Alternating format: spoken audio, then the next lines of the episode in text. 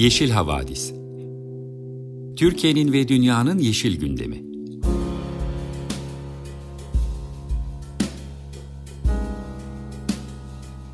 Hazırlayan ve sunanlar Demet Yaman Er, Savaş Çömlek, Dilan Altın Makas, Sare Abit ve Tansu Yeşilkır.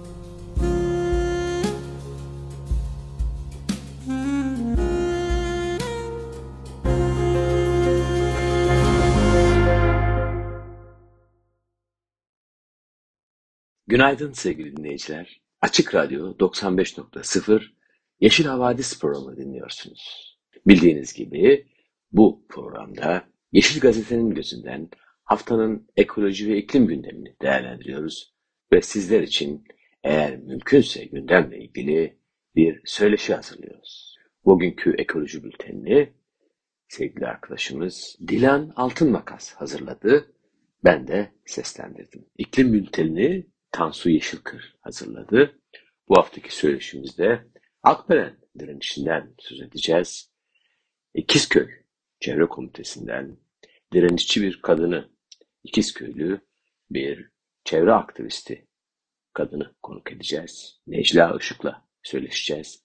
Akbelen'de neler olduğunu ve bir direnişin nasıl örgütlendiğini, neler yaşandığını dinleyeceğiz. İklim bültenine başlamadan önce Yine Yeşil Gazete köşe yazarlarından Victor Morin'in bu hafta konu edindiği bir şarkıcıyla başlayacağız.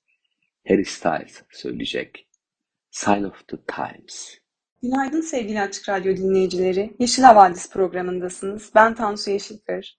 Sizlere bu hafta da iklim bültenini ben sunuyorum. Bülteni hazırlamak için haftanın iklim haberlerine göz gezdirirken neyden bahsedeceğimiz hemen belli oldu. Tahmin edersiniz ki konumuz aşırı hava olayları, anomaliler. Hafta sonu için İstanbul'daki hava durumu tahminlerine baktım. Herhangi bir soğuma ve dolayısıyla kışın gelmesi beklenmiyor. Hatta hafta içi bazı günler için sıcaklıklar 16-17 derecelerde görünüyor. Belki şehirlerde yaşıyoruz. Bugünün Türkiye'sinde doğalgaz faturalarından korkuyoruz. Kışlık alışverişe ihtiyacımız olacaktı ve bir montun fiyatı kimimizin maaşının önemli bir kısmına denk geliyor. Ve kış gelmeyerek bu durumlardan kurtarıyor gibi görünüyor bize ama bu tabii ki ekonomi politikalarının, enerji politikalarının altında ezildiğimiz için böyle. Olmayan iklim politikaları da cabası. Bu maalesef hepimizin koşullarımız ölçüsünde de nasiplendiğimiz, günü kurtarmaya yönelik dar bir bakış açısı.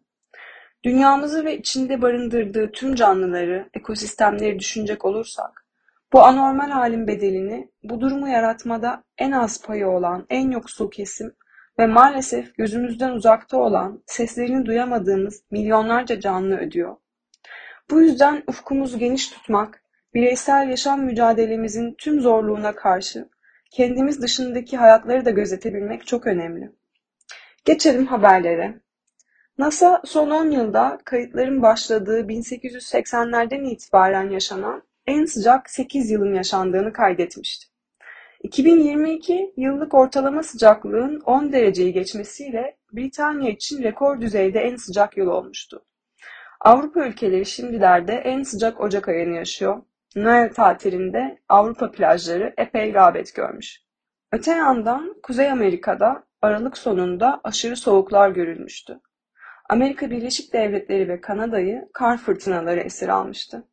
Sibirya'da ise sıcaklıklar mevsim normallerinin 27.8 derece altına düşmüş ve son 20 yılın en düşük sıcaklıkları kaydedilmiş.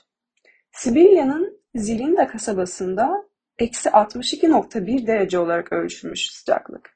Sıfırın altında 60 derece civarında seyreden aşırı soğuğun önümüzdeki günlerde Rusya'nın doğu yarısına odaklanması ve kademeli olarak doğuya kayarak Doğu Avrupa'yı da etkisi altına alması bekleniyormuş. Güney yarımkürede ise yaz ayları başlıyor tabii. Arjantin'de sıcaklıklar 45 dereceyi aşmış ve bu mevsim normallerinin 10 derece üstünde bir seviyeye denk geliyormuş.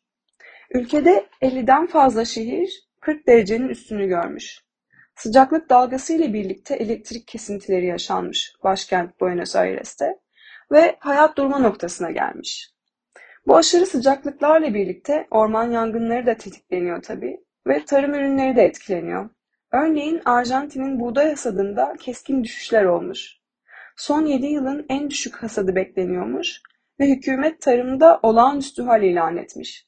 Şili ise 10 yıllık bir mega kuraklık ile karşı karşıyaymış. Türkiye'ye gelecek olursak bizde kuraklık hakim görünüyor.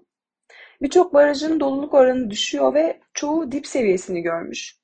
Örneğin İstanbul'un su ihtiyacını Trakya'dan karşılayan iki barajın Kazandere ve Papuçdere barajlarının doluluk oranı %5'in altına düşmüş. Meteoroloji Genel Müdürlüğü'nün verilerine göre geçtiğimiz Aralık ayı Türkiye'de son 52 yılın en sıcak aralığıymış. İstanbul'a kuraklık hakimken Antalya'dan sel ve fırtına haberleri geldi ve hatta yüksek kesimlerine nihayet kar da yağmış Antalya'nın. Yaylalara çıkan yollar kapanmış. Antalyalılar dağlarına, yaylalarına yağan kardan memnuniyet duymuşlar. Ocak ayının yarısı olmasına rağmen Toroslarda kar olmadığını, karın su ve bereket anlamına geldiğini, bu yüzden karın yağmasına çok sevindiklerini belirtmişler. Ama tabii sel ve fırtına ile birlikte büyük zarar da görmüş şehir. Evleri, zemin katları sular basmış, iş yerlerinin camları kırılmış, araçlar yollarda mahsur kalmış. Kemer ilçesinde ağaçlar devrilmiş, yola kaya parçaları düşmüş. Manavgat'ta enerji nakil hatları devrilmiş. Aksu'da çok sayıda dere taşmış, ekili alanlar su altında kalmış. Turizm bölgesi Kundu'da ise 5 yıldızlı bir otelin çatısının dış kaplaması fırtına nedeniyle uçmuş. İlçede hortum çıkmış ve hortum domates ve çilek seralarına zarar vermiş. Konya altında ise narenciye bahçelerini su basmış. Fırtına nedeniyle ağaçlardan dökülen narenciyeler suya karışıp gitmiş. Bu yağışlarla birlikte bölgede ve Antalya'da şimdiye kadarki en yüksek yağış değeri kaydedilmiş. Karalardan geçelim okyanuslara. 2022 yılı okyanuslar için de en yüksek sıcaklıkların kaydedildiği yıl olmuş.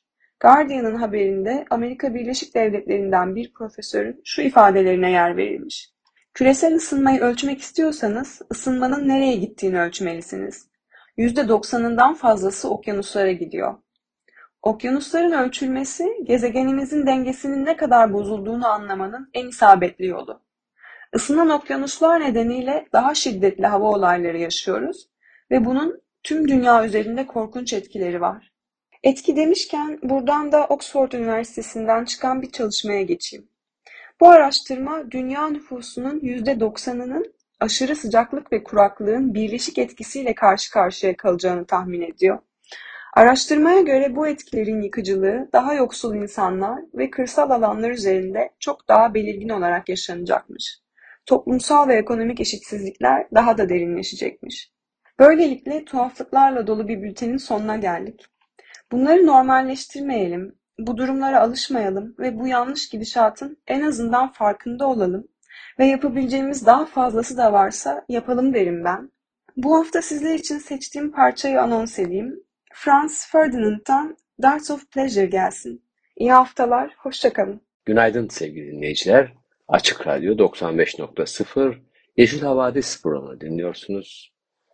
Bu bölümde ekoloji bültenini sizlerle paylaşacağım. Bugünkü bülteni sevgili arkadaşımız Dilan Altınmakas hazırladı. Bana da seslendirmek düştü.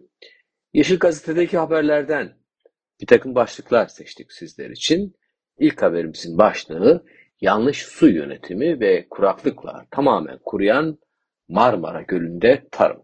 Dolu olduğu dönemlerde yılda ortalama 150 milyon metreküp suyu Gediz Ovası'na veren gölde su seviyesi kuraklığın, kaçak sulamaların ve yanlış su yönetiminin etkisiyle her geçen yıl azaldı.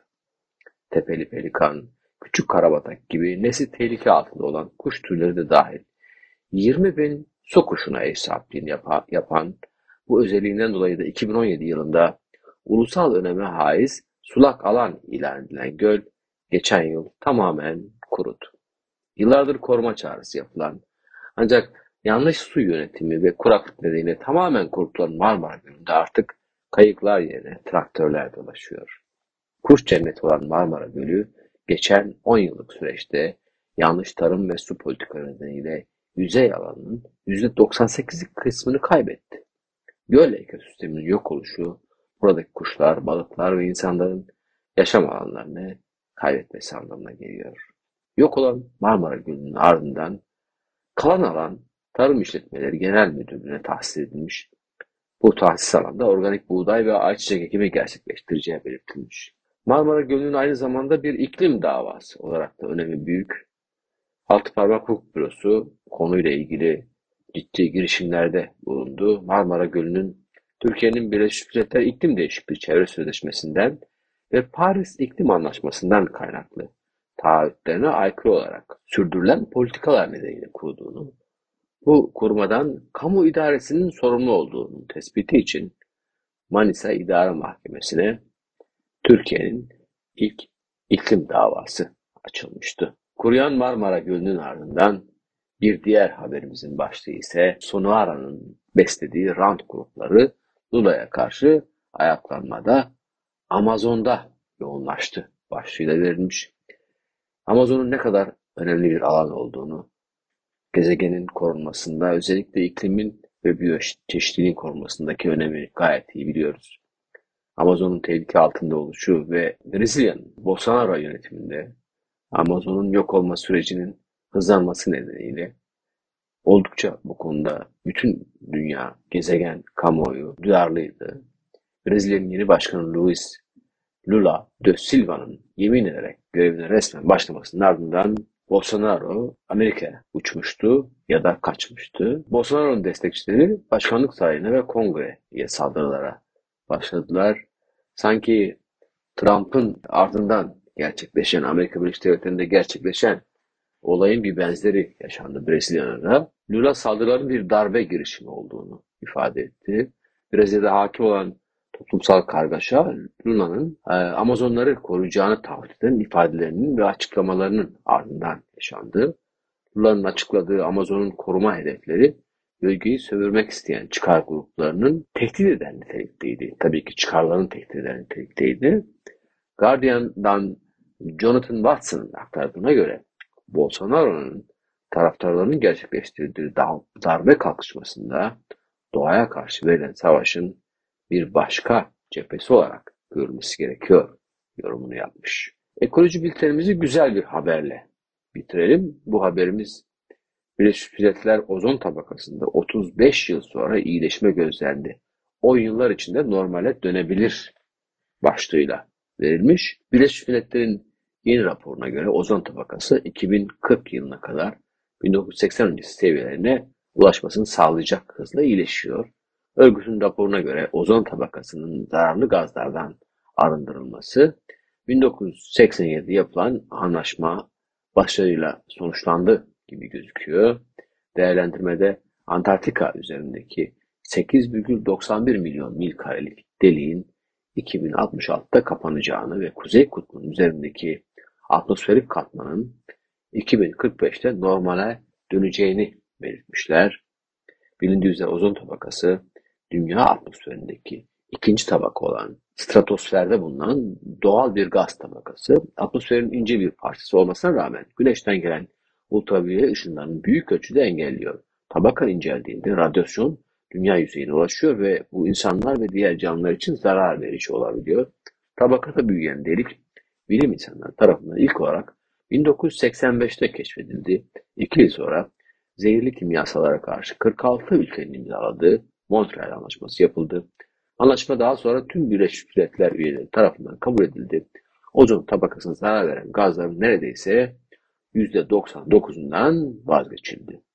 Dünya Meteoroloji Örgütü Genel Sekreteri Profesör Petteri Talas, ozon yiyen kimyasalları aşamalı olarak ortadan kaldırmaktaki başarımız, fosil yakıtlardan uzaklaşmak, sera gazını azaltmak için neler yapılabileceği ve neler yapılması gerektiğini gösteriyor diye konuşmuş. Kendisine bizim de mutlu olduğumuzu, bu bir hikaye olduğunu ozon hikayesinin iklim değişikliğine ve biyoçeşitliliğin korunmasına ilişkin mücadelenin de başarı şansının yüksek olduğunu anımsatan bir örnek olması nedeniyle bu haberi de sizinle paylaştık. Bir sonraki programda görüşmek üzere, üzere bir müzik arası vermek istiyoruz. Sevgili dinleyiciler Açık Radyo 95.0 Yeşil Havadis programını dinliyorsunuz. Programımızın söyleşi köşesinde bugün çok takdir ettiğimiz, keşke böyle insanlar daha çok olsun ve ülkemiz daha güzelleşsin diye düşündüğümüz bir ismi konuk edeceğiz. İkizdere Köyü'nden, İkizdere Köyü Çevre Komitesi'nden Necla Işık'la konuşacağız. Siz e, İkizdere Köyü diye pek bilmiyorsunuzdur ama Akbelen Ormanı deyince daha çok insan tanıyacak. Akbeyen Ormanı'nda neler olduğunu, orada neler yaşandığını soracağız kendisine, Necla Hanım'a. Fosil yakıt şirketlerinin neler yaptığını, nasıl yaptığını e, direkt yaşayan ve onlara karşı mücadele edeceğim, eden bir aktivistten duyacağız. O yüzden bu söyleşimiz bizim için gerçekten kıymetli olacak. Öz özellikle şehirli insanlar için. Merhaba Necla Hanım, hoş, hoş geldiniz. Merhabalar Savaş Bey, hoş buldum. İyi akşamlar diyorum, iyi yayınlar. Sağ olasın. Öncelikle sizin gözünüzden Akbelen'de neler oldu, neler oluyor, neler olacak bir miktar bahseder misiniz? E, bu konuyu hiç bilmeyen dinleyicilerimiz varmış gibi düşünüp. Akbelen'de neler oluyor? Akbelen'de aslında çok güzel e, işler yapılıyor, çok güzel dostluklar kuruluyor, çok güzel mücadele ediliyor. Kömürlü termik santrallere karşı Akbelen başlıklı havamız, suyumuz, ormanımız, tüm canlımız için bir mücadele var Akbelen'de. Bir buçuk yıla aşkın bir nöbet var. Ee, çok kıymetli, çok değerli yaşam savunucuları ve ikiz köylüler olarak e, bir mücadele yürütüyoruz burada. Çok anlamlı bizler için. Siz de söylediğiniz iklim krizine karşı, aslında gıda krizine karşı, aslında su krizlerine karşı e, da bir mücadele bu. E, yaban hayat için, kuşun kurdun hakkı için, toprağın sesi oluyoruz diyoruz, çamların sesi oluyoruz diyoruz. E, tüm insanların sesi olmak adına bu mücadeleye çıktık ikiz köylüler olarak ve bu mücadeleyi götürmekten inanılmaz onur duyuyoruz, gurur duyuyoruz. İleride çocuklarımıza, torunlarımıza, gelecek nesillere temiz, yaşanabilir bir ülke bırakmak adına bu mücadeleyi sürdürüyoruz ve onlara gururla anlatacağımız bir mücadele yürütüyoruz burada. Ben Akbelen'i destekleyen, kamuoyuna e, mal eden, sesimizi her yere duyuran bütün kanallara, radyolara, gazetelere çok çok çok teşekkür ediyorum. Çünkü biliyorsunuz yani birçok kanal bunu dile getirmiyor. Belki birçok insanın haberi yok ama bu tür radyolarda, gazeteler sık sık gündeme getiriyor. Türkiye'nin gündeminde, dünyanın gözü burada. Akbelen artık ekoloji açıdan e, çok büyük önem taşıyor. Yani burası kazanırsa her yer kazanacak. Her yerdeki mücadele kazanmış gibi olacak. Bunun farkındayız. Yani burada iki tane hatta üç tane Muğla'da termik santral 79 yılında kurulmuş. 85'ten bu yana faaliyet gösteren, ömrünü doldurmuş, e, yatan Yeniköy ve Kemerköy termik santrallerine karşı artık 40 yıldır burada kömürün gölgesinde yaşayan ikiz köylüler olarak ve kömüre, santrallere dur diyen tek köyüz burada, tek köylüyüz. İsteriz ki e, Çamköy'de yanımızda olsun, isteriz ki Karacahisar'da yanımızda olsun, isteriz ki şimdiye kadar kadar giden yedi köyde yanımızda olsun. Çünkü bizi bizden başka anlayacak hiç kimse yok diyoruz. Canımız yandı, ışık deremizi kaybettik. 2018 yılında kapandı, bitti orası. 2019 yılında başlamış bir İkizköy mücadelesi var, Akbelen mücadelesi var. Dediğim gibi çok büyük, uzun soluklu bir mücadele. Akbelen Ormanı'nı e, kömüre, açık madene teslim etmemek için, buradaki yaban hayatı için, işte oksijenimiz için, dedim ya suyumuz için, tarım için, tüm canlılar için aslında bu mücadele. Akbelen hepsini kapsıyor. Ee, ve devam edecek kazanın, kazanacağız yani başka yolu yok bu kadar emek verdik bu kadar çaba evet. sarf ettik bu kadar nöbetteyiz yani devam edecek. Necla Hanım anlayabildiğim kadarıyla e, sadece ikiz köyü ilgilendirmiyor. Birçok köyü ilgilendiriyor. Bazı köylerin e, sizi desteklemediğini, bazı köylerin anladığım kadarıyla ortadan kalktığından bahsettiniz. E, tabii çok uzun bir hikaye bu. Muğla'daki termik santraller hikayesi. Biz kendi öğrencilik yıllarımızda yatağan santralle ilgili çok ilgilenmiştik. Yerel mücadele vermenin ne kadar korkunç olduğunu biliyoruz. Ne kadar zor olduğunu. Biz dışarıdan destekle yatağan santrali için mücadele etmek için geldiğimizde sonuçta insanlar ekmekle e, hava kirliliği arasında seçim yapmak zorunda bırakılıyordu. İşçilerin e, bize karşı tepkilerini anımsıyorum. Zor bir mücadele başlangıcı olmuştu. Zaten de istediğimiz sonucu alamadık. Sizin burada da anladığım kadarıyla ciddi sıkıntılar yaşanıyor. e, yerel olarak da herkes sizi destekleyemiyor. İsteseler bile, gönüllerinden geçse bile destekleyemiyorlar. Ülkenin belli bölümünün sizi e, duymazdan geldiğini biliyoruz. Çünkü e, paradan daha değerli hiçbir şey yok birçok insan için. Onu da biliyoruz. E, bize yaşadıklarınızı anlatır mısınız? Köyler niye kayboldu? Niye bütün köylüler sizi desteklemiyor? Bu şirketlerin e, size karşı e, sürdürdükleri hileler, oyunlar neler? Biraz bahseder misiniz? Bizim de haberimiz olsun bunlardan. Yani en başta muhtarları ele geçiriyor şirketler maalesef. E, muhtarları yanında çalışıyor, alıyor işe ve sonrasında bu köyden insanları seçiyor. E, işte istihdam sağlamakla vuruyor en başta. Hatta en başta elektrik de vuruyor bizi. Diyor ki işte elektriğiniz kesilecek yani. Kendi köylümüzü bize karşı dolduruyor. İşte benim çoluğum çocuğum orada çalışıyor. Yarın oradan atılırsa ben, ben ne yapacağım? Benim çocuğum ne yapacak diyor. O istihdamıyla, o elektrikli elektriğiyle vurmaya çalışıyor. Biz de şöyle diyoruz. Birincisi elektrik artık bizim yıl 12 ay güneş gören bir güzel bir ülkemiz var. Rüzgar gören bir ülkemiz var. Ha yine bu güneşi, rüzgarı gelip de insanların tarım arazilerine kurmasınlar. Orada da yine onların karşısında duracağız. Gidip de güzelim ormanlarımızı yok ederek o rüzgar güllerini oraya kurmasınlar. Burada 15 kilometre boyunca uzanan, 7-8 köyü yutan ve hala önünde 7-8 köyü yutacak olan bir maden var, termik santral var. O 7-8 kilo, 15 kilometre boyunca uzanan o ölü toprağı cehennem çukurlarına kuralım o güneş panellerini diyoruz. Biz de üzerimize düşen neyse yapalım, elektrik sorununu buradan çözelim diyoruz. Ve hatta diyoruz ki evlerimizin çatısına kuralım. Hani artık e, sağlığımızdan olmayalım. Oradaki insanların sağlığını da düşünüyoruz çünkü. Hani orada alın teriyle para kazanıyor. Ama sanki o olmazsa buradaki insanlar acından ölecekmiş gibi muamele yapılıyor. Biz buna çok üzülüyoruz. Ee, şöyle bir örnek gösteriyorum. Buradan atıyorum ne kadar maaş alıyorsun? Asgari ücret 5,5 ya da şimdi 8 oldu. 10 olsun hadi bir de. Bu 10 bin lirayla şehre gittiğinde kirayı kiradan bahsetmiyorum ama e, mümkün mü geçinebilmen? Köydesin her şeyini topraktan karşılıyorsun. Bir tane inek bakıyorsun, sütün, yoğurdun, peynirin her şeyin ondan geliyor. Toprağını ekiyorsun, biçiyorsun, buğdayın, unun, ekmeğin oradan geliyor. Yaz sebzelerini alıyorsun, kış sebzesini alıyorsun. Biz hiç pazara gitmiyoruz burada. Her şeyimiz burada kendimiz üretiyoruz. Yani bu kadar güzel e, tarım arazilerimiz varken Niçin bunu kömüre feda ediyoruz? Niçin elektrik uğruna feda ediyoruz? Etmek zorunda bırakılıyoruz. Niçin şehirlere göç etmek zorunda kalıyoruz? Niçin kendi insanlarımızla karşı karşıya getiriliyoruz istihdam diye? E, Minas'ta zeytincilik faaliyeti var biliyorsunuz. Zeytinden kalkınan e, Milas'ın dedim ya köyü çok. Hepsi zeytinle geçinen birinci en büyük geçim kaynağımız zeytincilik bizim. Sonrasında tarım ve hayvancılık geliyor. Öncesinde tütünle geçiniyorduk. Tütünle e, çocuklarımız baş göz olurdu bizim evlendirilirdi, ev sahibi edilirdi. Tütün kaldırıldığı için işte şimdi herkes bütün tütün tarlalarına zeytin dikti. Yani elimizde neye tutunuyorsak alıyorlar bir kere. Zeytinlerimize göz diktiler. İşte topraklarımıza göz diktiler. Hani hep bir bitirme çabasındalar. Tarımı yok etme, Bal bal üretimi bitti burada. Çünkü çamlar yok artık. Çamlarımız yok. 15 kilometre boyunca ormanın yok olması, zeytinliklerin, köylerin yok olması ne demek? Ya Atatürk çok güzel bir şey söylemiş. Köylü milletin efendisi demiş. Köylü üretiyor, şehirliği besliyor. Parayla da olsa besliyor.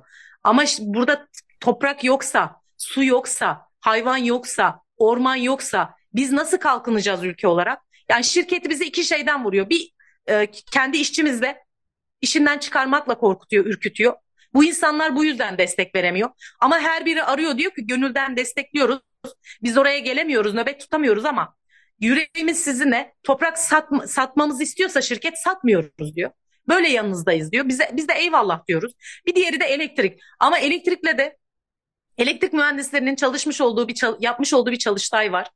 Özellikle Yeniköy ve Kemerköy için bizi hep elektrikten vurdukları için işte 7 ay sonra şeyimiz bitecek, kömürümüz bitecek ve biz elektrik üretemeyeceğiz. Türkiye'nin elektriğini yüzde iki nokta bilmem neyini bu iki santral karşılıyor diye devamlı elektrikten vuruyor. Aydın İzmir, Muğla başta olmak üzere diyor tüm Türkiye elektrik karanlığa gömülecek. Yok öyle bir şey. Mühendisler bunun açıklamasını yaptı. Çalışmasını yaptı. Bir nokta bilmem ne kadar dedi.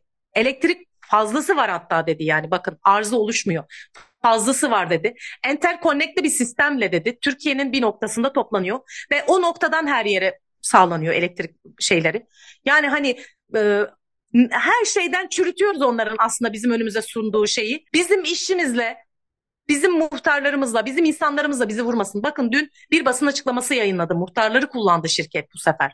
26 muhtarı öne sürerek ellerine bir basın açıklaması verdi. Bunu okuyun dedi. Neydi bu basın açıklamasında? Toprak toprağı hiç yok etmiyormuş, suyu yok etmiyormuş, doğayı yok etmiyormuş. İki tane çevreciyle olmazmış bu işler. Yani burada ikiz köylülerin mücadelesini görmüyorlar, inatla görmüyorlar. İki tane çevreci diyorlar yani hani çok üz üzülüyoruz yani bu durumlara. Artık hani her şeye, her yerden vurmaya başladılar. Çünkü çok fena sıkıştılar. Akbelen Ormanı'na giremediler, alamadılar. Vermeyeceğiz çünkü. Akbelen Ormanı'nı da, İkizköy'ün topraklarını da, Karacahisar'ı da Çamköy'ü de neresi olursa olsun. Artık hiç bizim canımızı da yakmasın bu şirketler. Bir başkasının canını da yakmasın. Bu hep söylüyoruz kanser vakaları doldu taştı burada. İnsanlar birer birer ölüyor. 40 senedir biz nice sevdiklerimizi kaybettik. Biz nice köylerimizin yok oluşunu gözlerimizle izledik. Sırf devlete karşı çıkamazsın. İşte çok güçlü bu şirket dedikleri için artık sesimiz çıkıyor. Çıkmak zorunda. Bir yok oluş var. Bir iklim krizi var. Yani Paris İklim Anlaşması'nı imzalıyoruz, sıfır emisyon diyoruz ama hiçbir şey yapmıyoruz. Biz İkizköy'de iki defa hortumu yaşadık. Aşırı yangınları yaşadık. Geçtiğimiz yıl 12-13 gün boyunca sürdürülemeyen yangınlar, onlarca hektar ormanımız yandı, bitti kül oldu. Ciğerlerimiz yandı. Oksijen bitti, hava bitti, her yerimiz zehir soluyor, zehir saçıyor bu termik santraller. Filtrelerini açıyorlar gece sabaha kadar, hiç kimsenin kontrol ettiği yok. Evlerimiz dinamitler patlattığı için evlerimizde çatlaklar oluştu.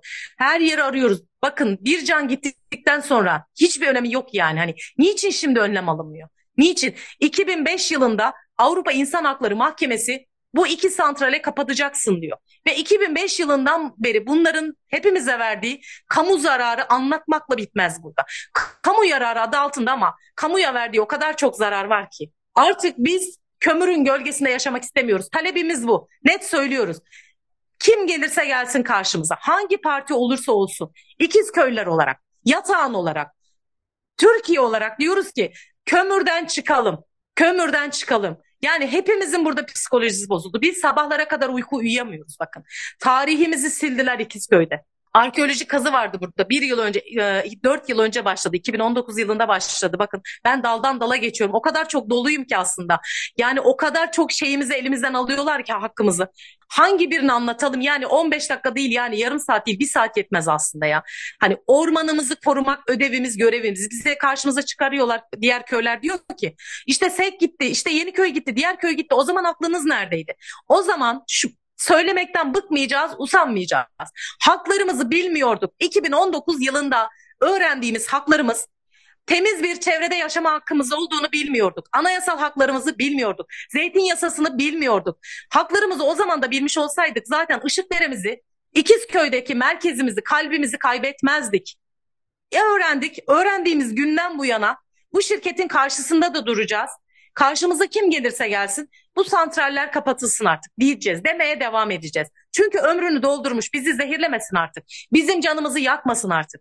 O kadar doluyum ki Savaş Bey, o kadar doluyuz ki. Evet, e, çok güzel anlatıyorsunuz. Ben sizi kesmemek için elimden geldiği kadar gayret sarf ediyorum. Harika gidiyorsunuz. E, zaten e, konuya da hakikaten e, bütün boyutlarıyla hakimsiniz anlaşıldığı kadarıyla. Ancak hani ben araya girip bir iki bir şey hatırlatmak istiyorum sadece. Biliyorsunuz e, geçimlik üretimin, e, köylerdeki geçimlik üretimin, e, yoksulluğun önlenmesindeki e, rolünü hepimiz gayet iyi biliyoruz. Siz de zaten çok güzel anlattınız. Biz her şeyimizi kendimiz üretiyoruz diyorsunuz. Tabii bunların tabii ki bir ticari değeri yok. Pazara çıkınca bir değeri olmuyor ama sizi geçindiriyor. İhtiyacınız kalmıyor. Paraya ihtiyacınız azalıyor sonuç itibariyle. Gene aynı şekilde e, bu e, termik santrallerin çoğunun bizim daha önce bilmediğimiz şeyleri öğreniyoruz son yıllarda. Devlet tarafından ciddi bir şekilde sübvanse edildiğini biliyoruz. Termik santrallere devletin yatırdığı para sonuçta kimsenin cebinden bizim paralarımız, bizim vergilerimiz. Bizim vergilerimizi fosil yakıt şirketlerine aktarıyorlar, sübvanse ediyorlar termik santralleri ki e, var olabilsinler, varlıklarını sürdürebilsinler diye. Halbuki bu yatırımları, bu harcanan paranın, bu kıymetli, değerli e, kaynağın e, köylüler için, geçimlik üretimlerin desteklenmesi için harcanması hem ülkemizdeki yoksulluğun çözümünde çok kıymetli bir şey olur. Hem doğanın korunması anlamında çok kıymetli olur. Tabii ki önümüzde sadece bir e, çevre kirliliği sorunu yok aslında. Sadece insanlar kanser olmuyorlar veya doğa hasar, o bölgedeki doğa hasar görmüyor. Aynı zamanda da iklim değişikliği gezegenin önündeki en önemli kriz. Ve önümüzdeki yıllarda da zaten termik santrallerden elektrik üretmek e, kabul edilebilir bir şey olmayacak. Siz zaten bütün alternatifleri öğrenmişsiniz. Biliyorsunuz zaten. Elektrik üretimi için güneş ve rüzgara dönmek hem ekonomik açıdan hem sağlık açısından hem gezegenin korunması açısından çok kıymetli olacak. Bunu biliyoruz zaten. Buna rağmen her şey bu kadar apaçıkken, her şey bu kadar netken hala e, iktidarların, hükümetin fosil yakıtları kullanarak elektrik üretmekte ısrar etmesi hakikaten akıl alacak gibi değil. Sizin direnişiniz bu anlamda hepimiz için, sadece kendiniz için değil, hepimiz için çok kıymetli. Bütün ülke için, bütün gezegen için, bütün hayvanlar için direniyorsunuz. Direnişiniz için sizi e, teşekkür etmek istiyoruz. Elimizden gelen teşekkür etmek. Peki yeterince destek görüyor musunuz sizce? Ee, toplumun diğer kesimlerinden, diğer kentlerden, e, diğer sivil toplum kuruluşlarından e, memnun musunuz size gösterilen destekten? Çünkü yalnız başına sürdürülecek bir mücadele değil bu. Karşınızda koskoca bir şirket ve onun arkasında onu destekleyen bir takım kamu kuruluşları var. Yani bütün e, hemen hemen şöyle diyebilirim. E, tüm Türkiye sahip çıktı derken e, aslında buna şey yaptım ben. Bütün sivil toplum kuruluşları, e, Muğla Çevre Platformu, e, AKP ve MHP hariç bütün siyasi partiler Akbelen'e geldi gitti, desteklediklerini söylediler. E, barolar öyle, e, Muğla Barosu özellikle mesela gelip gidiyor, destek veriyor. Onun haricinde e, bizim gibi canı yanan, işte Kaz Dağları'ndan tutun, İkizdere'den tutun, İliç'ten tutun, e, Deştin'den tutun, Marmaris'ten tutun. Yani aklınıza gelebilecek e, canı yanan, toprağa giden, suyu giden, havası giden herkes bizim gibi mücadele eden bütün yereller e, hemen hemen burada Akbelen'de Bugün e, Kaz Dağları buradaydı, İDA Derneği buradaydı. Yarın yine İstanbul Doğaçı Sanat Derneği burada. Hemen hemen Akbelen'e her gün yılbaşından önce başladı. Bu geçtiğimiz sene de aynı şekildeydi.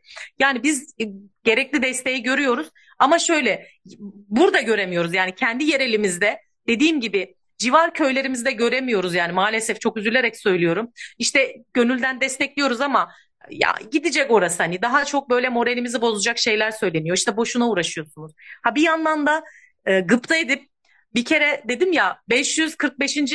belki de 47 50'yi bulduk. Yani artık günleri de sayamıyoruz. Biz çok dolu dolu geçiyor çünkü. Nöbete ulaştık. Ayakta alkışlıyoruz sizi yani biz bile inanamıyoruz bu kadar sürdürdüğünüzde bu nöbeti. Çünkü kolay bir şey değil. Burada bakın 7-24 sağ olsun dışarıdan şehir dışından gelen arkadaşlarımızın da desteğiyle biz bunu buralara getirdik. Çünkü köyde devam eden bir işimiz var, bir hayvanlarımız var. Onların bir bakmamız gereken saati vesairesi var. Ama e, yeri geliyor hayvanlarımızı bırakıyoruz. Yeri geliyor eşlerimizi bırakıyoruz. Yeri geliyor çocuklarımızı bırakıyoruz. Ben okulda olan öğrencim var, oğlum var mesela. Okul toplantılarına gidemiyorum, öğretmenleriyle görüşemiyorum. O kadar çok e, fedakarlıkta bulunuyoruz ki hani köylüler olarak da. Hani başta söyledim çok emek verdik, çok mücadele verdik.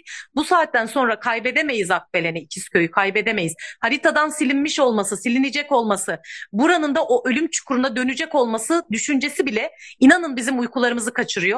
Ama bütün Türkiye'nin her yerinden destekler çok güzel. Bodrum Belediyesi çok ayrı destek veriyor. Ahmet Arası geçemem burada sağ olsun. Ee, siyasi partilerden dediğim gibi desteklediklerini söylüyorlar ama gönül ister ki parti kimliğiyle değil de kişiliğiyle gelsin ve Akbelen'de nöbet tutsun.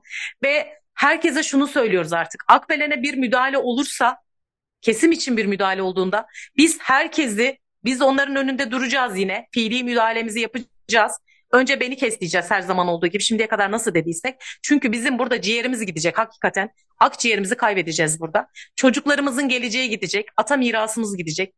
Ee, her şey için herkesi her zaman söylediğimiz gibi hem nöbete ama nöbetten çok buradaki bir girişimde, kesimde nasıl Kaz Dağları kurtulduysa, yüz binler aktıysa Akbelen'e de aynı şekilde sahip çıkalım, çıkıyoruz ama en kritik noktada bizim yanımızda olsunlar. Bugüne kadar nasıl oldularsa Ee, dediğim gibi basın kuruluşları her zaman yanımızda. Sesimizi olabildiğince duyurmaya çalışıyorlar. Ben size de gerçekten çok teşekkür ediyorum. Açık Radyo her zaman yanımızda. Geçenlerde arkeolojik kazı ile ilgili de bir yayın yaptık kendileriyle.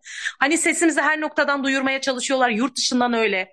Ee, yani çok güzel destekler var. İnanın biz o kadar geçen şeyi de söyleyeceğim. O kadar dağınık ki kafam şu anda. Limak burada dinamitlerle o kuşun kurdun evini yıkıyor. Ormanları yok ederek, insanların evini yok ederek, burada her şeyi yok ederek bir şeyler yapıyor. Gidiyor İstanbul'da, Ankara'da bilmem ne konseri veriyor. Göz boyuyor. Yeşil boyama. Yeşile boyuyor ya hani ağaçlandırma yapıyor ya güya. Zeytin dikip zeytin üretiyor ya güya. Buradaki köylünün elindeki zeytinini alıyor, kestiriyor. Bilme işinden faydalanıyor. Onu ayçiçek yağı yemeye bırakıyor, zorluyor. Elindeki bütün kaynaklarını alıyor. Kendisi güya zeytinyağı üretiyor. İnsanları sanatı kullanıyor, sanatı. Ve bizim arkadaşlarımız bizim sesimiz oldu İstanbul'da. Bir eylem yaptı biliyorsunuz. Ve gözaltına alındılar. Bir basın açıklaması bile okuyamadılar yani düşünün. Bir basın açıklaması bile yapamadılar. Akbelen'de onlarca canın evini yıkıyorsun ve buradan yaptığın geliri sokak hayvanlarına bağışlıyorsun. Göstermeliye bakar mısınız? İki yüzlülüğe. Evet. İki yüzlülüğe bakar mısınız? Evet. Diyecek hiçbir şey bulamıyoruz. Pes diyoruz, pes. Pes diyoruz. Şirketlerin özellikle fosil yakıt şirketlerinin ne kadar iki yüzlü olduğunu gayet iyi biliyoruz. Bu olayda da e, bizzat yaşıyoruz ve siz de zaten çok iyi takip etmişsiniz. E, maalesef programımızın sonuna geldik. E, Necla Hanım size çok teşekkür ediyoruz programımıza katıldığınız için. Tabii asıl büyük teşekkürümüz böyle bir mücadeleyi sürdürdüğünüz için. Sevgili dinleyiciler, e, İkizdereli Akbelen mücadelesini sürdüren e, dirençli, mücadeleci e, kadınlardan Necla Işık'la konuştuk bugün. Kendisine tekrar teşekkür ediyoruz. Mücadelesini desteklemek e, ve yanında olduğunu, yalnız olmadıklarını her zaman onlara hissettirmek istiyoruz tabii ki. Tekrar tekrar görüşmek dileğiyle şimdilik hoşçakalın diyoruz size. Ben e, çok teşekkür ediyorum kapatmadan. İkizköy dostlarına, Akbelen'e gönülden sahip çıkan yaşam savunucularına, Türkiye'nin her yerinden buraya akan, Akbelen ormanını vermeyeceğiz diyen, bizimle birlikte gönülden diyen herkese, sizlere Akbelen adına, Çamlar adına, buradaki toprağın, kuşun, kurdun adına canı gönülden teşekkür ediyorum. Akbelen yuvamız diyorum ve şu sloganı atarak kapatmak istiyorum. İzninizle siz kapatacaksınız ama. Akbelen ormanını vermeyeceğiz. Akbelen ormanını vermeyeceğiz. Çok teşekkür ediyorum herkese. Akbelen bizim yuvamız. Akbelen direnen halkın kalacak. Çok teşekkür ediyorum. Sevgili dinleyiciler, duydunuz Necla Hanım'ı bir müzik arasıyla size bugünlük veda edeceğiz. Hoşçakalın.